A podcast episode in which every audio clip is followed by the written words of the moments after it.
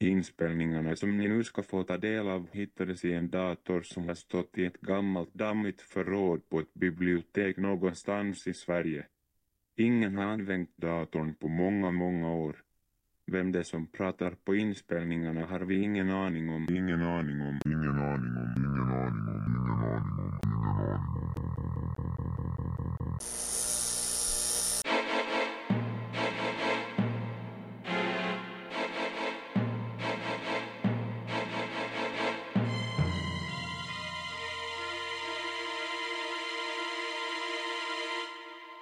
Hu, det är kyligt idag. Va? Tänker ni. Är han lite dum i huvudet? Det är ju strålande sol ute. Mm, kanske det. Men ni ska veta att i mitt bröst är det alltid kallt. Jag lider av en märklig åkomma, säger min doktor. Fruset hjärta kallar hon det. Jag har helt enkelt ett hjärta av is. Inte så roligt att tala om kanske, men det för oss osökt in på dagens kusligheter. Jag tänker nämligen berätta historier som på ett eller annat vis har med kyla att göra. Håll till godo. Om du befinner dig i området kallat Chugiak i södra delarna av Alaska kan du råka hamna på den mytomspunna vägen Badarka Road som för dig genom den vidsträckta South Birchwood-skogen. Ungefär halvvägs in på vägen, mitt ute i den mörka skogen, sägs två osaliga andar ströva omkring. För länge sedan dog en femårig flicka på denna plats. Hon och hennes pappa var ute och högg ved för att elda med i den öppna spisen i deras lilla stuga. Pappan tog en liten paus i huggandet och för att flickan inte skulle ramla på yxan när hon lekte satte han yxan med ett kraftigt hugg i ett träd.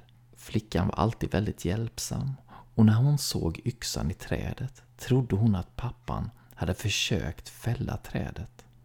Nu ville hon hjälpa honom att få ner det. När hon slet och drog i yxan för att den skulle lossna ville det sig inte bättre än att trädet gick av och träffade flickan rakt i huvudet. Hon dog direkt och blodet rann nerför hennes lilla ansikte. Hennes far blev förstås förtvivlad när han såg vad som hade hänt.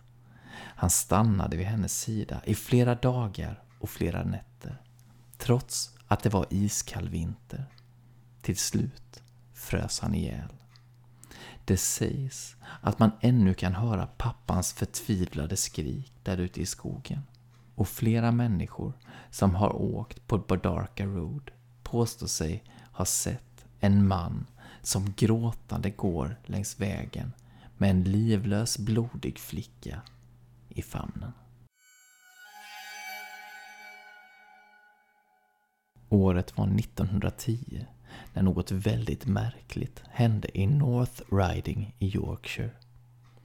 I tidningen Irelands Own berättar man att byn där det hela inträffade var liten och i början av 1900-talet var det inte särskilt vanligt att någon besökte byn.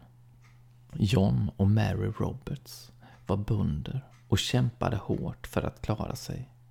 De hade två söner, James som var tio och Arthur som var tolv. Sönerna hjälpte till med sysslorna på gården så gott de kunde. Några veckor efter jul 1910 låg snön djup och sönerna Roberts bestämde sig för att prova sin kälke som de själva snickrat ihop. De traskade någon kilometer bort från huset för att ta sig till en bra backe. Deras mamma, Mary, var inte orolig när pojkarna gav sig iväg. De var skötsamma och kloka barn som visste att inte utsätta sig för faror. Men när Arthur kom hem ensam någon timme senare fylldes hon av fasa. Arthur förklarade att hans bror James hade gått hem tidigare eftersom han frusit om händerna. Men uppenbarligen var han ju inte hemma nu. Var kunde han ha tagit vägen? När det började skymma gav sig några män från byn ut för att leta efter James. De gick med lyktor och tog sig systematiskt fram över de nu isande vita hederna. Men inte ett spår efter pojken fann de. Vid midnatt gav de upp. Den kalla vinden hade vid det här laget ökat i styrka och den lätta snön yrde och blåste igen alla eventuella spår efter pojken. Klockan sju nästa morgon var det tillräckligt ljust för att återuppta sökandet. Byns brevbärare, Walter Padley, ledde sökandet och erkände i intervjuer efteråt att han hade börjat ge upp hoppet om att finna James vid liv när morgonen började övergå till förmiddag. Snart bestämde sig de sökande för att dela in sig i smågrupper för att hinna söka av ett större område. Padley och två andra män gick tillsammans och nådde med tiden fram till ett ganska klippigt område där steniga sluttningar ledde ner mot en större flod. Plötsligt kände sig Padley iakttagen och när han vände sig om såg han en pojke som stod på en klippa en bit bort och stirrade på honom. Men det var inte James Roberts. Den här killen var i 15-årsåldern och hade gammeldags kläder på sig. Det var något overkligt över honom, men Padley kunde inte riktigt sätta fingret på vad det var. Pojken signalerade åt honom och hans kamrater att följa efter honom. Sedan började han vandra mellan klippblocken ner mot floden. Snart blev det mindre klippigt och ett litet område med snötäckta buskar tog över. Den mystiske pojken gick hela tiden hundra meter framför Padley och hans vänner. Men med jämna mellanrum vände han sig om, som för att se att de hängde med. Så plötsligt klev han rakt in bland några av de högre buskarna och försvann. Sedan var han som uppslukad av jorden. Padley och hans kamrater nådde fram till platsen där pojken försvunnit och började kämpa sig fram genom buskagen. De sökte febrilt efter sin vägvisare, men fick istället syn på någon annan, nämligen James Roberts. Han satt fastkilad i en klippskreva och hans ena ben var vridet på ett märkligt sätt så att det inte fanns något som helst tvivel om att det var brutet. Pojken var bara till hälften vid medvetande och hans kropp hade köldskador. Men han var vid liv. Utan den mystiske pojkens hjälp hade man aldrig hittat James. Området var svårframkomligt och James var för svag för att ropa på hjälp.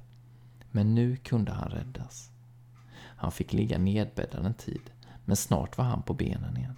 Historien om den mystiske vägvisaren spred sig och en man från Sheffield började göra efterforskningar kring det hela. Han besökte arkiv för att leta ledtrådar i gamla dagstidningar och snart gjorde han en häpnadsväckande upptäckt. Enligt ett antal artiklar ska en pojke från samma by som James Roberts vid namn Richard Warley dött i en snöstorm 1710. Alltså 200 år tidigare. Enligt vad som stod i de gamla tidningarna ska Richard Warley sett ut exakt som den unge vägvisaren som hjälpte Padley och hans vänner att finna James Roberts.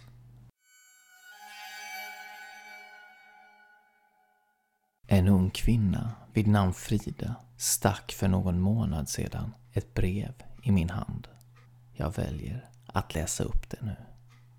Så länge jag kan minnas har jag drömt om en egen hund.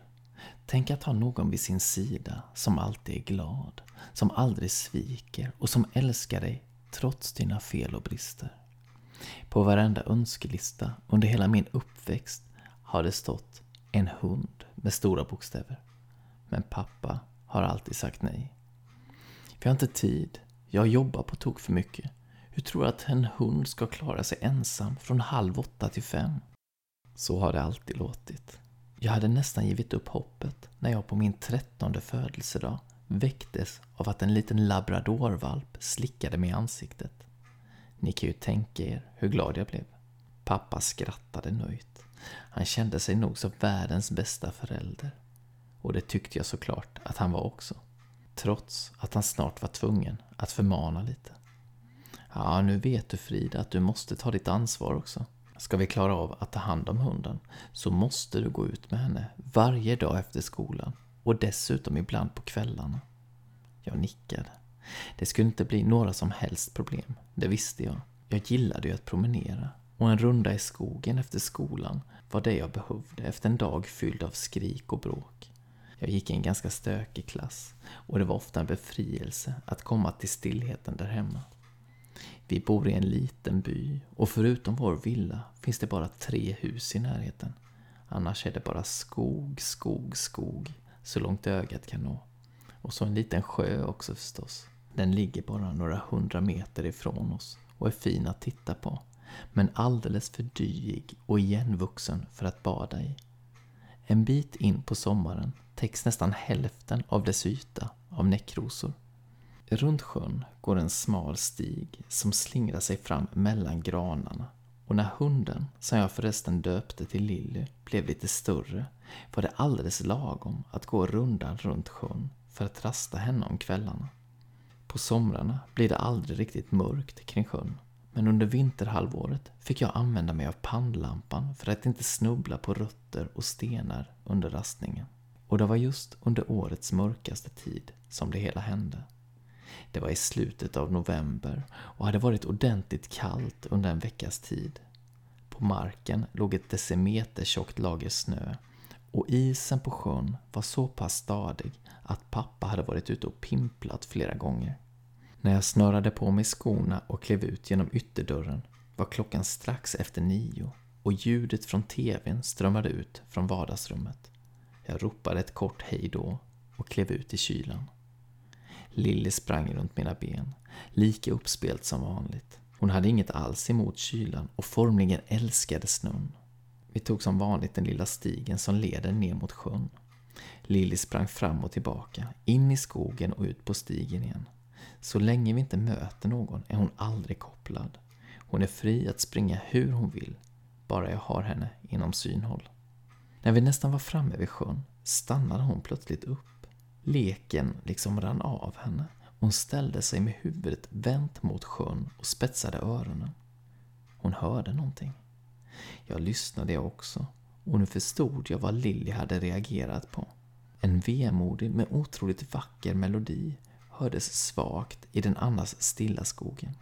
Det lät som om någon spelade fiol nere vid sjön. Utan att tveka klev jag ner för den lilla slänten för att komma ända ner till strandkanten. Jag bara måste få veta vad det var för galning som satt och spelade så här dags, utomhus. Var det kanske Aina, tanten som bodde i stugan närmast sjön? Hon var över 80 år och hade kanske helt tappat det nu. Blivit förvirrad. När jag kom ner till den frusna sjön blev jag förvånad. Jag insåg att källan till musiken var längre bort än jag tidigare trott. Jag blickade ut över sjön. Helt stilla. Jag sneglade bort mot Ainas hus. Mörkt i alla fönster. Sen började jag gå. Jag vet inte varför. Det var som om fötterna rörde sig av sig själva. Rakt ut på isen tog de mig. Snart stod jag mitt på sjön. I alla riktningar stod de mörka granarna i vakt vid strandkanten och över mig hängde månen som en stor gul lampa. Fiolmusiken hördes fortfarande och plötsligt såg jag varifrån den kom. I den lilla viken längst bort från alla hus, där näckrosorna växer som tätast om somrarna, satt en figur. Avståndet var för långt för att jag skulle kunna se vem det var men jag kände i hela min kropp att jag ville närmare. Ögonen tårades av den underbara musiken och mina ben började springa. Jag såg att Lilly sprang vid min sida. Hon skällde oroligt, men jag brydde mig inte om henne. Framåt, framåt, närmare, närmare. De orden ekade i mitt huvud. Nu var jag 20 meter från fiolmusiken. 15. 10. Jag stannade upp och studerade gestalten jag hade framför mig. Det var en mager, senig man som satt där på en stor trästock och spelade fiol. Nästan helt naken verkade han vara i kylan. Hans hår var långt och i en märklig grönsvart nyans. Det såg blött ut och hängde i stripiga testar ner över hans axlar. Och ögonen. Ögonen var de hemskaste ögon jag någonsin sett. Lysande gröna var de och de såg liksom onda ut. När mannen stirrade på mig kändes det som om han skar i mig med en kniv. Han log ett lömskt leende och slutade spela för någon sekund. Långsamt lyfte han ett krokigt finger och pekade på något som uppenbarligen fanns strax till vänster om hans fötter. Jag tittade dit och upptäckte till min förvåning en stor vak, säkert två gånger två meter stor. I vaken kunde jag skymta det kalla vattnet som en blank, svart spegel. Jag tittade på mannen. Han log ännu bredare och nickade mot vaken samtidigt som han började spela på sin fiol igen. Ville han att jag skulle kliva ner där? Jag skulle inte överleva många minuter om jag gjorde det. Men jag kände att jag ville göra det som mannen önskade. Jag tog ett steg mot vaken. Sedan ett till och ett till. Snabbt och målmedvetet närmade jag mig det svarta vattnet. När jag bara hade några steg kvar kände jag hur något plötsligt högg till i benet. Med ens var förtrollningen bruten. Jag stannade upp och tittade ner på mitt ben. Där stod Lilly och såg skamsen ut. Hade hon bitit mig? Uppenbarligen var det så. Mannen med fiolen hade slutat le. Det var som hela hans ansikte hade säckat ihop och nu såg outsägligt sorgset ut. Han reste sig från stocken han suttit på och tog ett kliv rakt ner i vaken. Det sista jag såg av honom var hans mörka hår som för en sekund flöt på vattenytan innan även det försvann ner i djupet. Jag stod kvar i ett ögonblick och bara stirrade ner i vattnet. Sedan vände jag mig om och sprang. Jag sprang för livet och slutade inte att springa förrän jag var hemma. Än idag vet jag inte vem det var som jag mötte den där kvällen. Jag har inte sett honom sedan dess. Men jag ska erkänna att jag undviker sjön så gott jag kan numera. Det är uppenbart att han ville mig illa. Han ville dränka mig helt enkelt. Och lika uppenbart är det att Lilly räddade livet på mig genom att bita mig. För detta är jag henne evigt tacksam.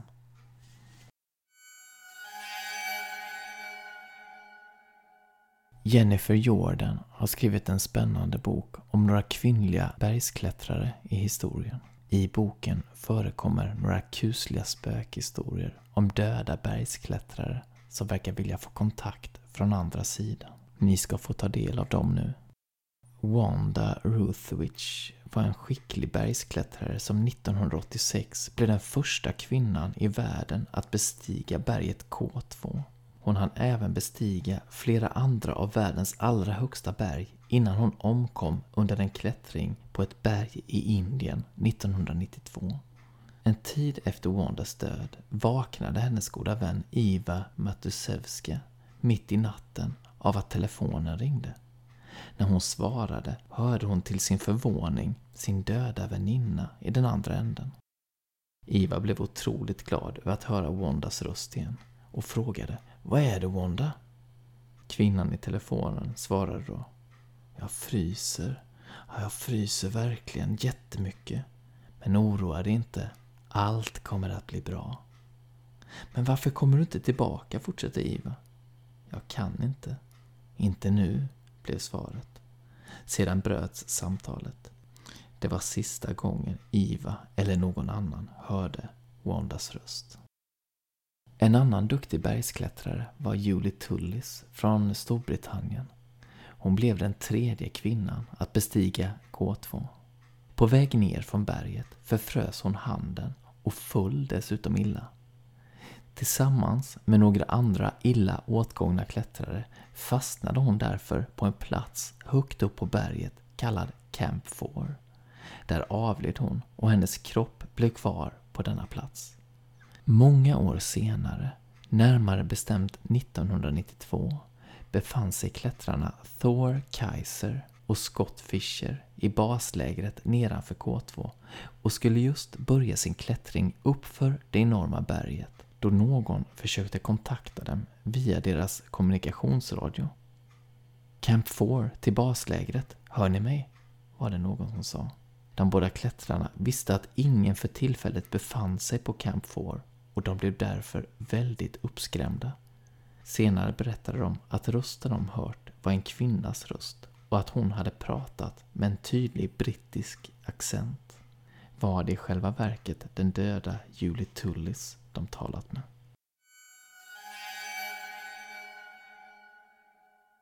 Sedan hundratals år tillbaka har det bland tibetaner och sherpas förekommit berättelser om getin. I västvärlden kom man att tala om denna bäst först någon gång under 1800-talet. Äventyrare och forskare hade då börjat utforska Himalaya. De hade sett märkliga ting bland bergen och fått veta mer om getin, eller Snömannen, som den också kallas av lokala guider. Edmund Hillary och Sherpan Tengsin Norgay blev 1953 de första någonsin att bestiga världens högsta berg, Mount Everest. Hillary påstod att han såg enorma fotspår på cirka 6000 meters höjd. 1942 rymde en man vid namn Slavomir Ravic från ett sibiriskt straffläger.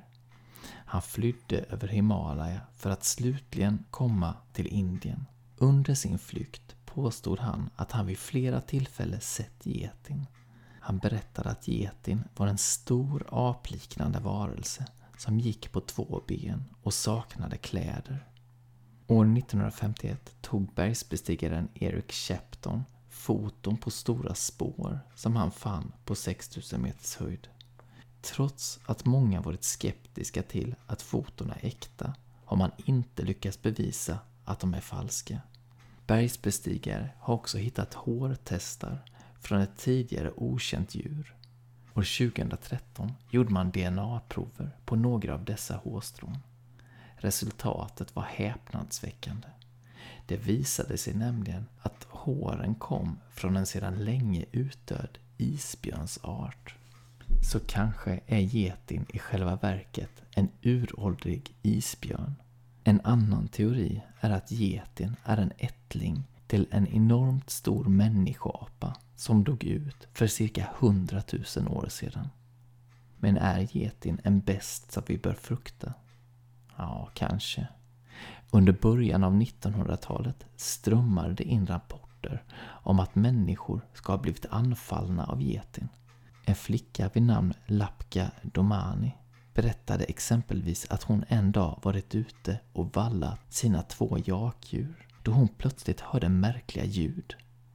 När hon vände sig om stod en stor apliknande varelse med stora ögon och utstående kindben framför henne. Över hela kroppen hade besten svart eller rödbrunt hår. Domani berättade vidare att varelsen lyfte upp henne och bar henne ner mot en å. Men när hon skrek släppte djuret henne. Istället sprang det fram till hennes jakdjur. Den stora apan slog ihjäl det ena djuret och bröt nacken av det andra. Lakpa Domani hörde av sig till polisen och när de kom till platsen såg de mycket riktigt spår efter ett stort apliknande djur.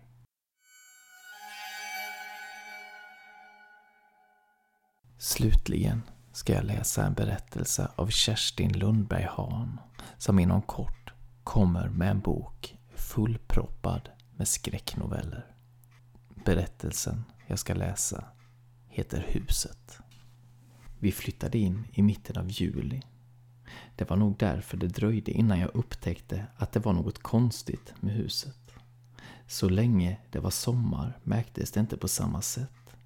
Det var ju varmt och fönster och altandörrar stod öppna. Och så var vi många som gick över golven, rörde oss genom rummen. Förutom mamma, pappa och jag var det min moster Eva, min kusin Alex och deras hund Nicky.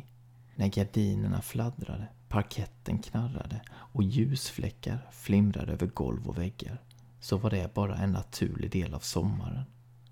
Men den sista kvällen, när Eva och Alex var hos oss, fick jag en konstig känsla.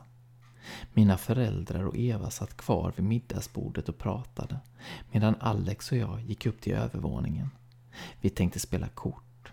Det är en sån där grej som vi jämt gör på sommaren. Alex började blanda. De vuxnas prat hördes upp till oss genom ett öppet fönster. Plötsligt hörde jag Eva säga Men hur ska ni klara vintern? Allvarligt? Grannarna lovade att komma med traktorn och ploga upp till oss. Om det behövs. Och det tar faktiskt bara tre kvart in till stan, sa pappa. Jag ser fram emot vintern jag, sa mamma. Tänk dig Det frusna havet, som ett golv av is. Så vackert. Jag tittade ut genom fönstret, ut över havet. Huset låg i en sluttning, bara ett stenkast från stranden. Vi hade egen brygga och fri utsikt mot horisonten. Själva huset var gammalt, men fint. Vitmålat trä, två våningar med högt i tak och så en vind högst upp. Trädgården var förstås vildvuxen eftersom ingen hade bott i huset på länge. Men min moster är arborist. Hon jobbade med att beskära och såga ner träd. Hon hade haft med sig motorsågen och hjälpt mamma och pappa att ta ner en gammal gran och rensat bland buskarna. Tomten var öppen och ljus igen och det enda felet på huset, ett hål i taket där det hade läckt in vatten, hade blivit lagat. Det vill säga, vi trodde att det var det enda felet på huset. Mamma och pappa var löjligt lyckliga över köpet och förvånade över att säljaren hade gått med på deras bud. Det var egentligen alldeles för billigt för läget, hade mamma sagt typ tusen gånger. Långt senare tänkte jag att säljaren förstås bara ville bli av med huset. Är du med eller? Alex började dela ut korten och jag märkte att jag hade suttit och stirrat ut genom fönstret. Visst, sa jag.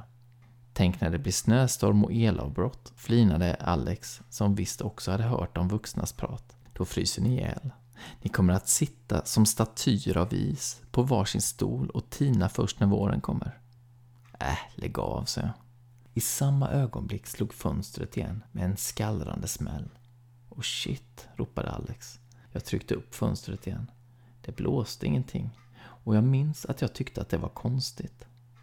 Den natten låg jag vaken och tänkte på snöstormar och golv av is. Flera gånger tyckte jag att jag hörde ett konstigt knarrande i väggen. Nästa dag åkte Eva och Alex hem till stan. Sommaren gick mot sitt slut. Temperaturen sjönk och vi slutade hålla fönster och dörrar öppna. Det var nog då det började på allvar. När sommarlovet var över fick jag åka skolbuss. Mamma tog bilen in till stan och pappa stannade hemma. Han hade inrett ett arbetsrum åt sig innanför köket där han satt och jobbade. Han var väldigt nöjd med det där arbetsrummet som hade utsikt över havet. Första gången jag la märke till kylan var en eftermiddag när jag kom hem från skolan. Jag hade sprungit från bussen för det duggregnade. Jag hoppades att pappa hade tänt en brasa i kakelugnen när det var så ruggigt. Men när jag kom in i huset var det kallt och tyst. Pappa? ropade jag. Men det kom inget svar. Istället hörde jag ett knakande ljud från vardagsrummet. Jag hängde av mig jackan och gick fram till dörröppningen. Ljuset var släckt och ute var det mulet. Rummet var mörkt och tomt. Hallå, sa jag lite tystare. Det knakade till igen och gardinerna rörde sig. Samtidigt kände jag en kall vind mot kroppen. Jag gick fram mot fönstret för att stänga det. Pappa hade väl öppnat för att vädra och sedan glömt bort det när han försjönk i sitt jobb, tänkte jag. Men fönstret var stängt. Alla fönster i rummet var stängda. Jag såg mig om och undrade ifall det drog från övervåningen. Men innan jag hann gå upp och kolla hörde jag ett annat knakande ljud. Det liknade det första men kom i korta omgångar. Knak, knaster, knak. Det kom från köket. Jag tassade genom vardagsrummet. Han ser att dörren till pappas arbetsrum stod halvöppen. Och sedan såg jag pappa. Han stod framför frysen med en form med iskuber i handen. Han plockade upp en isbit och stoppade den i munnen och tuggade. Knak, knaster lät det. Det var ljudet av is som maldes sönder mellan hans tänder. Så stoppade han i sig en till och en till. Till slut hade han munnen full med isbitar. Pappa, sa jag. När han fick syn på mig var det som om han hejdade sig. Sedan spottade han ut de sista iskuberna i handen. Han slängde dem i vasken. Men innan han ställde in isformen i frysen igen fyllde han på med nytt vatten ur kranen. Vad gör du, sa jag. Eh, nej, inget. Fyller på isformen, sa han. Jag tryckte på lysknappen och när kökslampan tändes såg jag att han var nästan blå om läpparna. Jag tycker det är kallt, sa jag. Kan vi inte tända en brasa? Jo, kanske det, sa pappa och gick före in i vardagsrummet. Innan jag gick efter honom kikade jag ner i vasken. Där låg två halvt söndertuggade isbitar som sakta höll på att smälta. Det såg ut som genomskint glas. Jag tänkte på det några dagar senare, när pappa började bli suddig i kanterna. Nästa underliga sak hände en morgon. Det måste ha varit en lördag eller söndag eftersom jag var hemma från skolan. Mamma var borta på någon jobbresa. Det händer att hon åker på konferenser och sådär. När jag kom ner till frukost satt pappa redan vid bordet. Han hade tidningen uppslagen framför sig, men taklampan var släckt. Ute regnade det så det smattrade mot rutorna och ljuset var skumt. Plötsligt såg jag ett par ljusa fläckar dansa över bordet och tidningen. Men så fort jag försökte kolla vad det var som speglade sig så försvann de och köket tycktes med ens ännu mörkare. Jag tände lampan och då ryckte pappa till som om jag hade överraskat honom. Han sträckte på sig och gäspade så att det knakade i käklederna. Då såg jag att han hade samma kläder på sig som han hade haft dagen innan. Och bredvid honom stod samma kopp som han druckit kaffe ur kvällen innan. Jag sneglade på köksklockan. Hon var tio. Det var en ganska normal tid för mig att gå upp en helgdag. Men vid den tiden brukade pappa vara klar med frukosten för länge sedan. Hej du, sa han och blinkade. Han såg mer gråhårig ut än vanligt och hyn var så blek att den nästan var vit. På diskbänken stod en tom isform. Jag gick till köksbänken för att stoppa en brödskiva i rosten och när jag stod bakom pappa såg jag att det gråa i hans hår glittrade i skenet från lampan. Det påminde faktiskt om frost på grässtrån. Tvekande sträckte jag fram handen och rörde vid hans axel. Han märkte inget, men jag ryckte till. Han var kall som sten. Jag sneglade på tidningen. Det var gårdagens. Han hade suttit där hela natten. Plopp, sa det när mackorna hoppade upp ur rosten. Jag tog dem, satte mig vid bordet och började bre på smör. Pappa huttrade till och vände blad i tidningen. Då såg jag att han liksom var otydlig i konturerna. Det fick mig att tänka på de smältande isbitarna jag sett i vasken. Jag gnuggade mig i ögonen och tittade igen. Han satt där, men det var som om jag inte riktigt såg honom tydligt. Att det ska vara så svårt, mumlade han. Vadå, sa jag och kisade för att fokusera blicken. Det hjälpte inte. Pappa förblev suddig i kanterna. Äsch, sa han. Politiken, trafiken. Att det ska vara så svårt. Han gjorde en gest mot artikeln i tidningen. Men när han gjorde den där svepande rörelsen med handen blev han ännu suddigare. Det var som om jag inte riktigt såg var han slutade och rummet omkring honom började. Som när vattenfärg flyter ut över tuschkanten och löser upp linjen. Jag blinkade några gånger och gnuggade med ögonen. Vad är det? sa pappa. Har du ont i ögonen? Nej då, sa jag och tittade ut genom fönstret. Några gula löv hade smetats fast mot rutan av vinden och regnet. Pappa tittade på klockan. Den gamla guldklockan som alltid sitter på hans vänstra handled. Och för ett ögonblick såg han förvånad ut. Sedan fortsatte han att läsa. Jag tog en tugga av min macka och sneglade på honom lite då och då. Men nu såg han ut som vanligt igen i skenet från kökslampan. Frosten i håret var borta och de dödsbleka kinderna hade blivit rosiga. Jag minns att jag kollade i frysen på kvällen. Där stod det tre fyllda formar med isbitar. Det gav mig en obehaglig känsla och när jag hade krupit i säng låg jag och lyssnade. Efter ett tag hörde jag det där knastrande, knakande ljudet som när någon tuggar i sig is. Men saken var den att ljudet inte kom från något särskilt ställe utan liksom rörde sig runt, runt inne i väggarna. Som om det var huset själv som tuggade. Några dagar senare, när jag kom hem från skolan, stod mammas bil utanför, fast det var tidigt på eftermiddagen. Hej, sa jag när jag kom in i köket. Är du hemma redan? Mm, ska jobba hemifrån några dagar, sa hon och böjde sig över en uppslagen pärm på köksbordet. Är pappa också hemma, sa jag. Pappa, sa mamma och tittade förvirrat upp från pärmen. Ja, är han också hemma, sa jag och gjorde en gest mot dörren till arbetsrummet. Jaha, pappa. Ja, jo. Hon tittade ner i pärmen igen. Jag gick fram till dörren till arbetsrummet och la örat emot. Det enda som hördes var ett iskallt vinande, som om fönstret där inne stod öppet. Men stör honom inte, mumlade mamma utan att vända sig om. Jag backade ett steg och såg till min förvåning att det satt en rand av små istappar högst upp i dörren.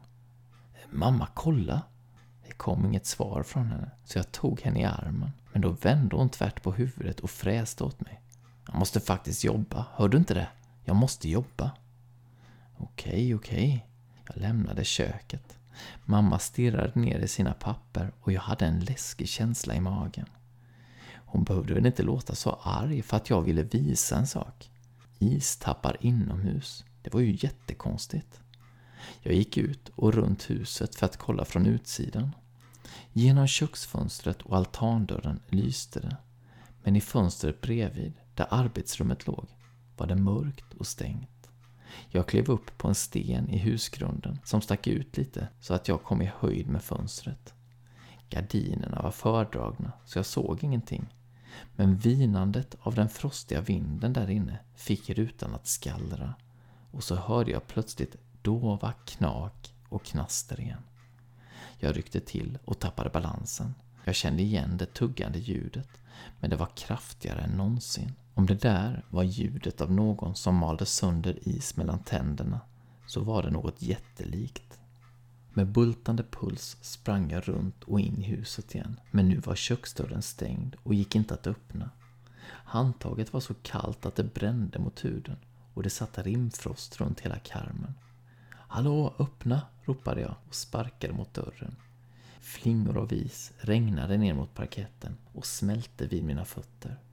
Det knastrade och knakade där inifrån, så högt att det ekade i huvudet. Sluta! ropade jag. Då blev det tyst. I flera sekunder var det knäpptyst. Sedan hördes ett mullrande, ekande läte från andra sidan dörren. Det var som en suck ur en djup brunn eller som om något ohyggligt stort rapade. Jag backade undan, alldeles stel i kroppen. Vad är det? sa mamma plötsligt bakom mig. Hon stod i hallen, längst ner i trappan från övervåningen. Hon såg frågande ut. Jag sprang dit och kramade om henne, som om jag behövde hålla fast henne. Det måste ha varit länge sedan jag gav henne en sån kram, för jag märkte att jag nådde till hennes hals. Minnet av småbarnskramar när mitt ansikte hamnade någonstans på hennes mage for genom kroppen på mig. Vad är det? upprepade hon. Köksdörren är låst. Det är iskallt, viskade jag. Nej då, sa hon och tog sig ur min kram, gick fram till köksdörren och öppnade den hur enkelt som helst. Jag hade fortfarande hjärtklappning när jag smög efter henne. Luften där inne vibrerade av kyla. Dörren till arbetsrummet stod vidöppen. På golvet var det en pöl med till hälften fruset vatten och mitt bland de gnistrande flisorna av is, där låg pappas guldklocka. Jag gick sakta närmare, plockade upp klockan och tittade på den. Glaset framför urtavlan var sprucket. Visan hade slutat röra sig och i den stunden visste jag, på något konstigt sätt, att pappa var borta. Långsamt backade jag från den frusna pölen på golvet. Mamma, sa jag, vad är det som har hänt? Nej, sa mamma med tonlös röst. Det har väl inte hänt någonting. Jag vände mig om och då såg jag att hon stod framför frysen. Hon hade plockat fram ett paket fryst fisk och stod och tryckte det mot bröstet. Hon var alldeles blek och log stelt. Då rusade jag dit, slet fiskpaketet ur händerna på henne, slängde in det i frysen och stängde. Vad är pappa? ropade jag. Jag nästan skrek. Pappa, sa hon och såg förvånad ut. Vilken pappa? Rysningarna som for längs ryggen vet jag inte var de kom ifrån. Om det var mitt eget hjärta som nästan slutade slå, eller om det var kylan från huset. Jag drog med mamma ut i vardagsrummet, men hon ville inte sätta sig i soffan. Hon ställde sig vid fönstret och la händerna på de kalla elementen. Tyst hummade hon för sig själv och tittade ut på den höstliga trädgården. Det här huset är konstigt, sa jag med gråten i halsen. Det är kallt, det knastrar som is. Mamma, hallå? Hon svarade inte. Gardinerna vajade sakta och jag frös om nästippen. Jag stoppade händerna djupt i fickorna och drog upp axlarna mot öronen. Vad skulle jag ta mig till? Pappa var borta och mamma svarade knappt på tilltal. Kylan ökade för varje sekund. Den sipprade upp från golvet och in genom väggarna. Jag huttrade till. Men mamma tog av sig koftan och la den över soffkanten. Men det är ju iskallt mamma, sa jag. Nej då, sa hon tyst. Jag ryckte henne i armen. Varför köpte vi det här huset? Det är något konstigt med det, sa jag. Nej då, upprepade hon. Vem ägde det förut? frågade jag och ryckte och drog i hennes arm. Då var det som om hon vaknade till ur sitt drömmande tillstånd. För hon sträckte på sig och gäspade. Vad sa du? Vem köpte vi huset av, sa jag. Det var ett dödsbo, sa mamma. Dödsbo, vad är det? De som bodde här har dött. Vi köpte det av Arvingen, deras son. Varför ville han sälja det då? Men varför undrar du så mycket, som mamma. Han bodde inte i Sverige. Vad skulle han med ett hus här till? Han behövde väl pengarna? Bodde han inte i Sverige? Nej, i Australien tror jag det var. Jag tittade på jordgloben som stod på skåpet i hörnet. Jag gick dit och snurrade sakta på klotet. Australien. På andra sidan jorden. Så långt bort man kan komma. Han flydde bort från huset, sa jag tyst för mig själv. Sedan vände jag mig mot mamma igen. Och ägarna som dog, hur dog de? Mamma svarade inte. Istället knakade det till under mina fötter. Mellan parkettens ekplankor såg jag hur det trängde upp ett moln av köldrök. Mamma, ropade jag, vi måste härifrån. Hon hade vänt sig mot fönstret igen och tittade ner mot havet.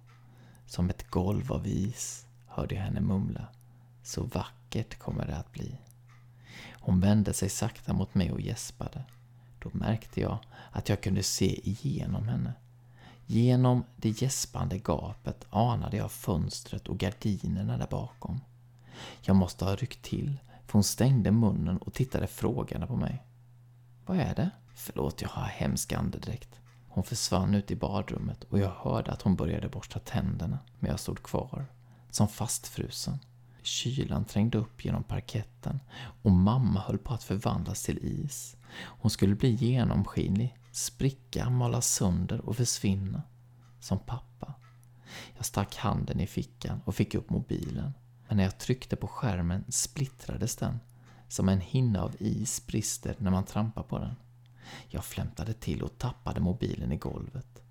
Tandborstljuden hade upphört inne i badrummet. Mamma? ropade jag. Det kom inget svar. Jag sprang till badrummet. Dörren stod på glänt. Mamma stod där med tandborsten i handen och såg in i spegeln, men utan att verkligen titta. Ögonen såg liksom tomma ut.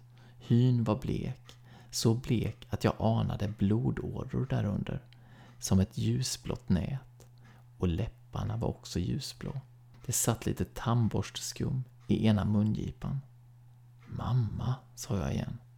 Inget svar. Jag tog tandborsten ur hennes hand och ledde henne ut i vardagsrummet. Hon rörde sig trögt och tungt. Jag försökte få henne att sitta i soffan, men hon var stel i kroppen och hennes hand var som en bit fryst kyckling. Då drog jag fram en stol och tryckte ganska bestämt ner henne på den. Så satt hon där, mitt i vardagsrummet och stirrade framför sig. Jag tog en filt och försökte svepa den om henne. Men eftersom hon inte gjorde någon ansats att hålla fast den halkade den hela tiden ner på golvet. Till slut la jag den bara över knäna på henne. Den skulle väl ändå hålla henne lite varm medan jag stack iväg för att hämta hjälp. Jag sprang ut i hallen, stoppade fötterna i skorna och hakade ner jackan från kroken. Jag öppnade ytterdörren, men innan jag hann ta ett steg slog dörren igen, rakt i ansiktet på mig. Då släppte jag jackan på golvet och slet i handtaget för att öppna igen. Men det gick inte. Det knarrade till i dörrkarmen och dörren satt stenhårt fast, trots att den inte var låst. Jag gick tillbaka till vardagsrummet. Mamma stirrade framför sig utan att titta på något alls. Det kom vit rök ur hennes mun när hon andades. Små vita puffar. En rysning drog över ryggen och jag skyndade mig ut i köket till altandörren. Jag tryckte upp låsknappen, men i samma sekund åkte den ner igen, som stängd av en osynlig hand. Jag tryckte upp låset igen och igen, men varje gång åkte knappen ner. Dörren låste sig själv och jag var instängd.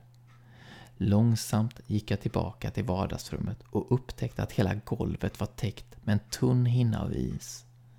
Mamma, viskade jag, men det kom ingen reaktion. Jag kunde ana tapetens blommönster genom hennes kropp. Bakom mig hörde jag hur fönsterhakarna i köket gnällde.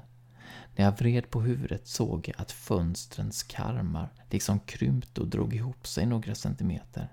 Glaset bågnade i ramen, men utan att gå sönder. Världen utanför såg alldeles skev ut. Huset stängde sig, dörr för dörr, fönster för fönster. Och i samma takt blev det kallare och kallare. Min egen andedräkt kom i vita puffar nu. Jag hörde den sista fönsterkarmen i köket jämra sig och krympa. Och sedan hände samma sak i vardagsrummet. Samtidigt knakade runt mig i väggarna. Jag stod som bedövad på isgolvet och hörde huset stänga sig. Nej, sa en tanke i mitt huvud. Nej. Och samtidigt insåg jag att stängningen var som en rörelse genom bottenvåningen. Det hade börjat i hallen, fortsatt i köket och sedan till vardagsrummet. Det rörde sig medsols och hela bottenvåningen var stängd. Då måste jag upp. Så fort som möjligt och så högt som möjligt. Vinden, tänkte jag. Vindsfönstret och brandstegen. Fort innan huset hinner före. Jag trampade av mig skorna och kände hur mina strumpor nästan fastnade i golvet. Så där som fuktig varm hud kan fastna mot iskall metall. Snabbt tittade jag åt mammas håll igen. Hon satt där och andades vit, kylig luft med halvöppen mun och oseende blick. Sedan sprang jag så snabbt och tyst jag kunde i strumplästen, bort mot trappan och hoppades att huset inte skulle märka att jag tog vägen. Upp för trappan sprang jag, men jag stannade inte där utan tog vindstrappan med, tryckte upp dörren och kom in på vinden. Tyst, tyst stängde jag efter mig. Det var kallt, men det var en naturlig kyla som kom utifrån med en doft av våta höstlöv. Det lilla fönstret längst bort på husets gavel stod uppställt med en fönsterhake. Det hade stått så ända sedan snickarna lagade taket för att vädra ur fukten.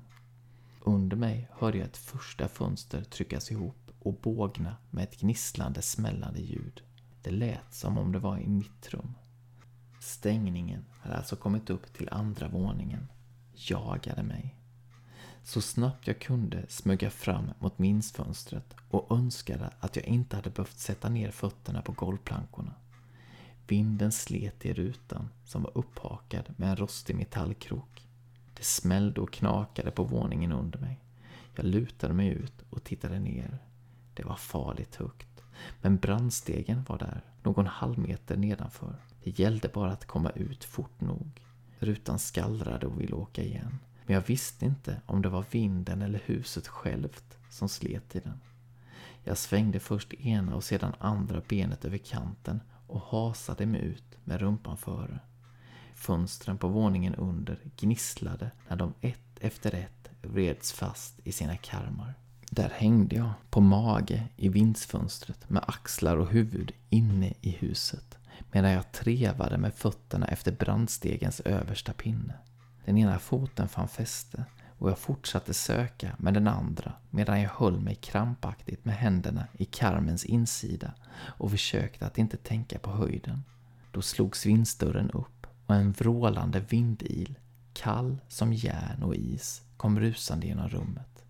I samma ögonblick hittade den andra foten brandstegen och jag ryckte ut huvudet ur husets gap. Med ena handen högg jag tag i stegens kant. Fönstret smällde igen så att hårstråna högst upp på skallen klipptes av och jag fick en smäll över den andra handens fingrar. Den hand som i absolut sista ögonblicket hade släppt taget om fönsterkarmen. Pang! Stängt. Rutan bågnade och karmen knakade. Men jag var ute. Som en skrämd ekorre satt jag på utsidan av fasaden och kände hur hela huset riste och skakade. Jag hade aldrig klättrat så snabbt. Jag mer eller mindre rasade neråt, slog knän och armbågar mot metallstegen och kände hur det brände i handflatorna. Sista metern släppte jag taget och ramlade baklänges ner på backen bland de våta bruna löven.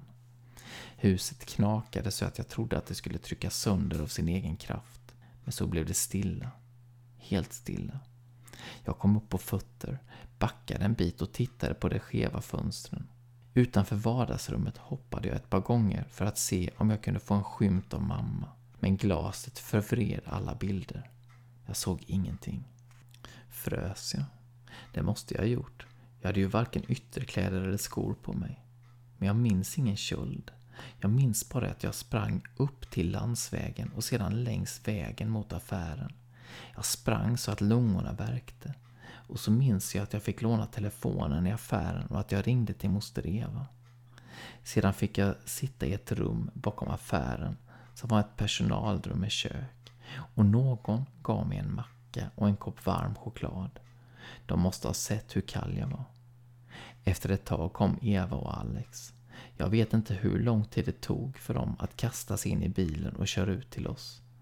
Det var som om själva tiden hade frusit till is. När de kom hade de med sig en jacka till mig och ett par stövlar som var för stora. Och så åkte vi tillbaka till huset igen. Där blir minnesbilderna tydligare. Som fotografier. Lustigt nog är minnena som svartvita foton. Det hade börjat skymma. Träden längs vår smala grusväg var kala och spretiga. Molnen låg i disiga lager över himlen. Havsviken var blyets grå. Menar du att hon är instängd, sa Eva. Jag nickade. Jag vet inte hur vi ska komma in, men vi måste få ut henne, sa jag. Eva bromsade in på grusplanen utanför, hoppade ur kombin och öppnade bakluckan. Nicky hoppade ut och gav ett kort skarpt skall mot de förvridna fönsterrutorna. Eva plockade fram motorsågen, hjälmen och Nickis gamla hundfilt. Jag tror att huset skrek när Eva sågade upp ytterdörren. Det lät så. Även om både Alex och jag höll för öronen när sågen åt sig genom träet så att flisorna flög. Håll er på avstånd, hojtade Eva bakom visiret. Det flög gnistor när hon kom åt gångjärnens metall. Dörrkarmen vred sig och försökte hålla emot, men sågkedjan var starkare. Till slut stängde hon av sågen. Hon la ifrån sig den på trappan, måttade med sin kängbeklädda fot och sparkade in dörren. Det gnällde i träet. Nicky började plötsligt skälla som en galen mot dörröppningen och reste ragg. Okej, sa Eva över axeln på mig. Var är hon? I vardagsrummet. Jag sprang fram till Eva för att följa henne in i huset, men hon stoppade mig och tittade på mig på ett sätt som jag aldrig har sett förut. Blicken bakom visiret var full av kärlek. Hon kramade mig snabbt. Jag älskar dig, sa hennes ögon. Stanna här, sa hennes mun. Så slet hon åt sig hundfilten och rusade in i huset. Alex ställde sig bakom mig och höll om mig med båda händerna. Nicky fortsatte att skälla. Polarvinden som forsade ut ur huset nöp fast i kinderna och fick de små håren i näsan att frysa till is. Det knockade till i den övre dörrkarmen när den knäcktes på mitten och föll ner. Försökte huset stänga sig runt den trasiga dörröppningen. Jag bet mig i läppen så att det smakade blod, men minnet av Evas blick och röst hindrade mig från att springa in efter henne. Knak, så sprack en bräda till ovanför dörren. Flisor och spån rasade ner på trappan. Men just då kom de. Eva höll armarna om mamma som var inlindad i Nickis filt. I ett regn av sågspån tog de sig ut ur huset. Vi stannade inte för att se vad som hände sedan, utan sprang till bilen. Alex fick med sig motorsågen och Nicky var den som sist packade bort från huset, fortfarande skällande. Snabbt packade vi in oss i kombin. Eva bakom ratten och Alex bredvid henne. Mamma, jag och Nicky i baksätet. Mamma skakade av kyla. Hon var mycket blek, huden nästan genomskinlig. Eva rivstartade så att gruset sprutade och vred upp värmen på max. Nicky la sitt varma huvud i mammas knä. Jag satt tätt intill henne på andra sidan. Hon blundade, men jag hörde att hon mumlade. Det lät nästan som en viskning, men hon pratade i alla fall. Jag la armen om hennes axlar och lutade mig närmare. Älskade unge, sa hon tyst, öppnade ögonen och tittade på mig. Jag var så kall, viskade hon. Det blev så väldigt, väldigt kallt. Men nu blir du varm, sa jag. Ja, sa hon. Nu blir jag snart varm. Eva gasade upp för grusvägen. Jag vände mig om och tittade på huset genom bakrutan en sista gång. Från vägen syntes inte den söndersågade dörren. Det såg bara ut som ett vackert gammalt hus i sluttningen ner mot vattnet. Som ett vackert svartvitt foto.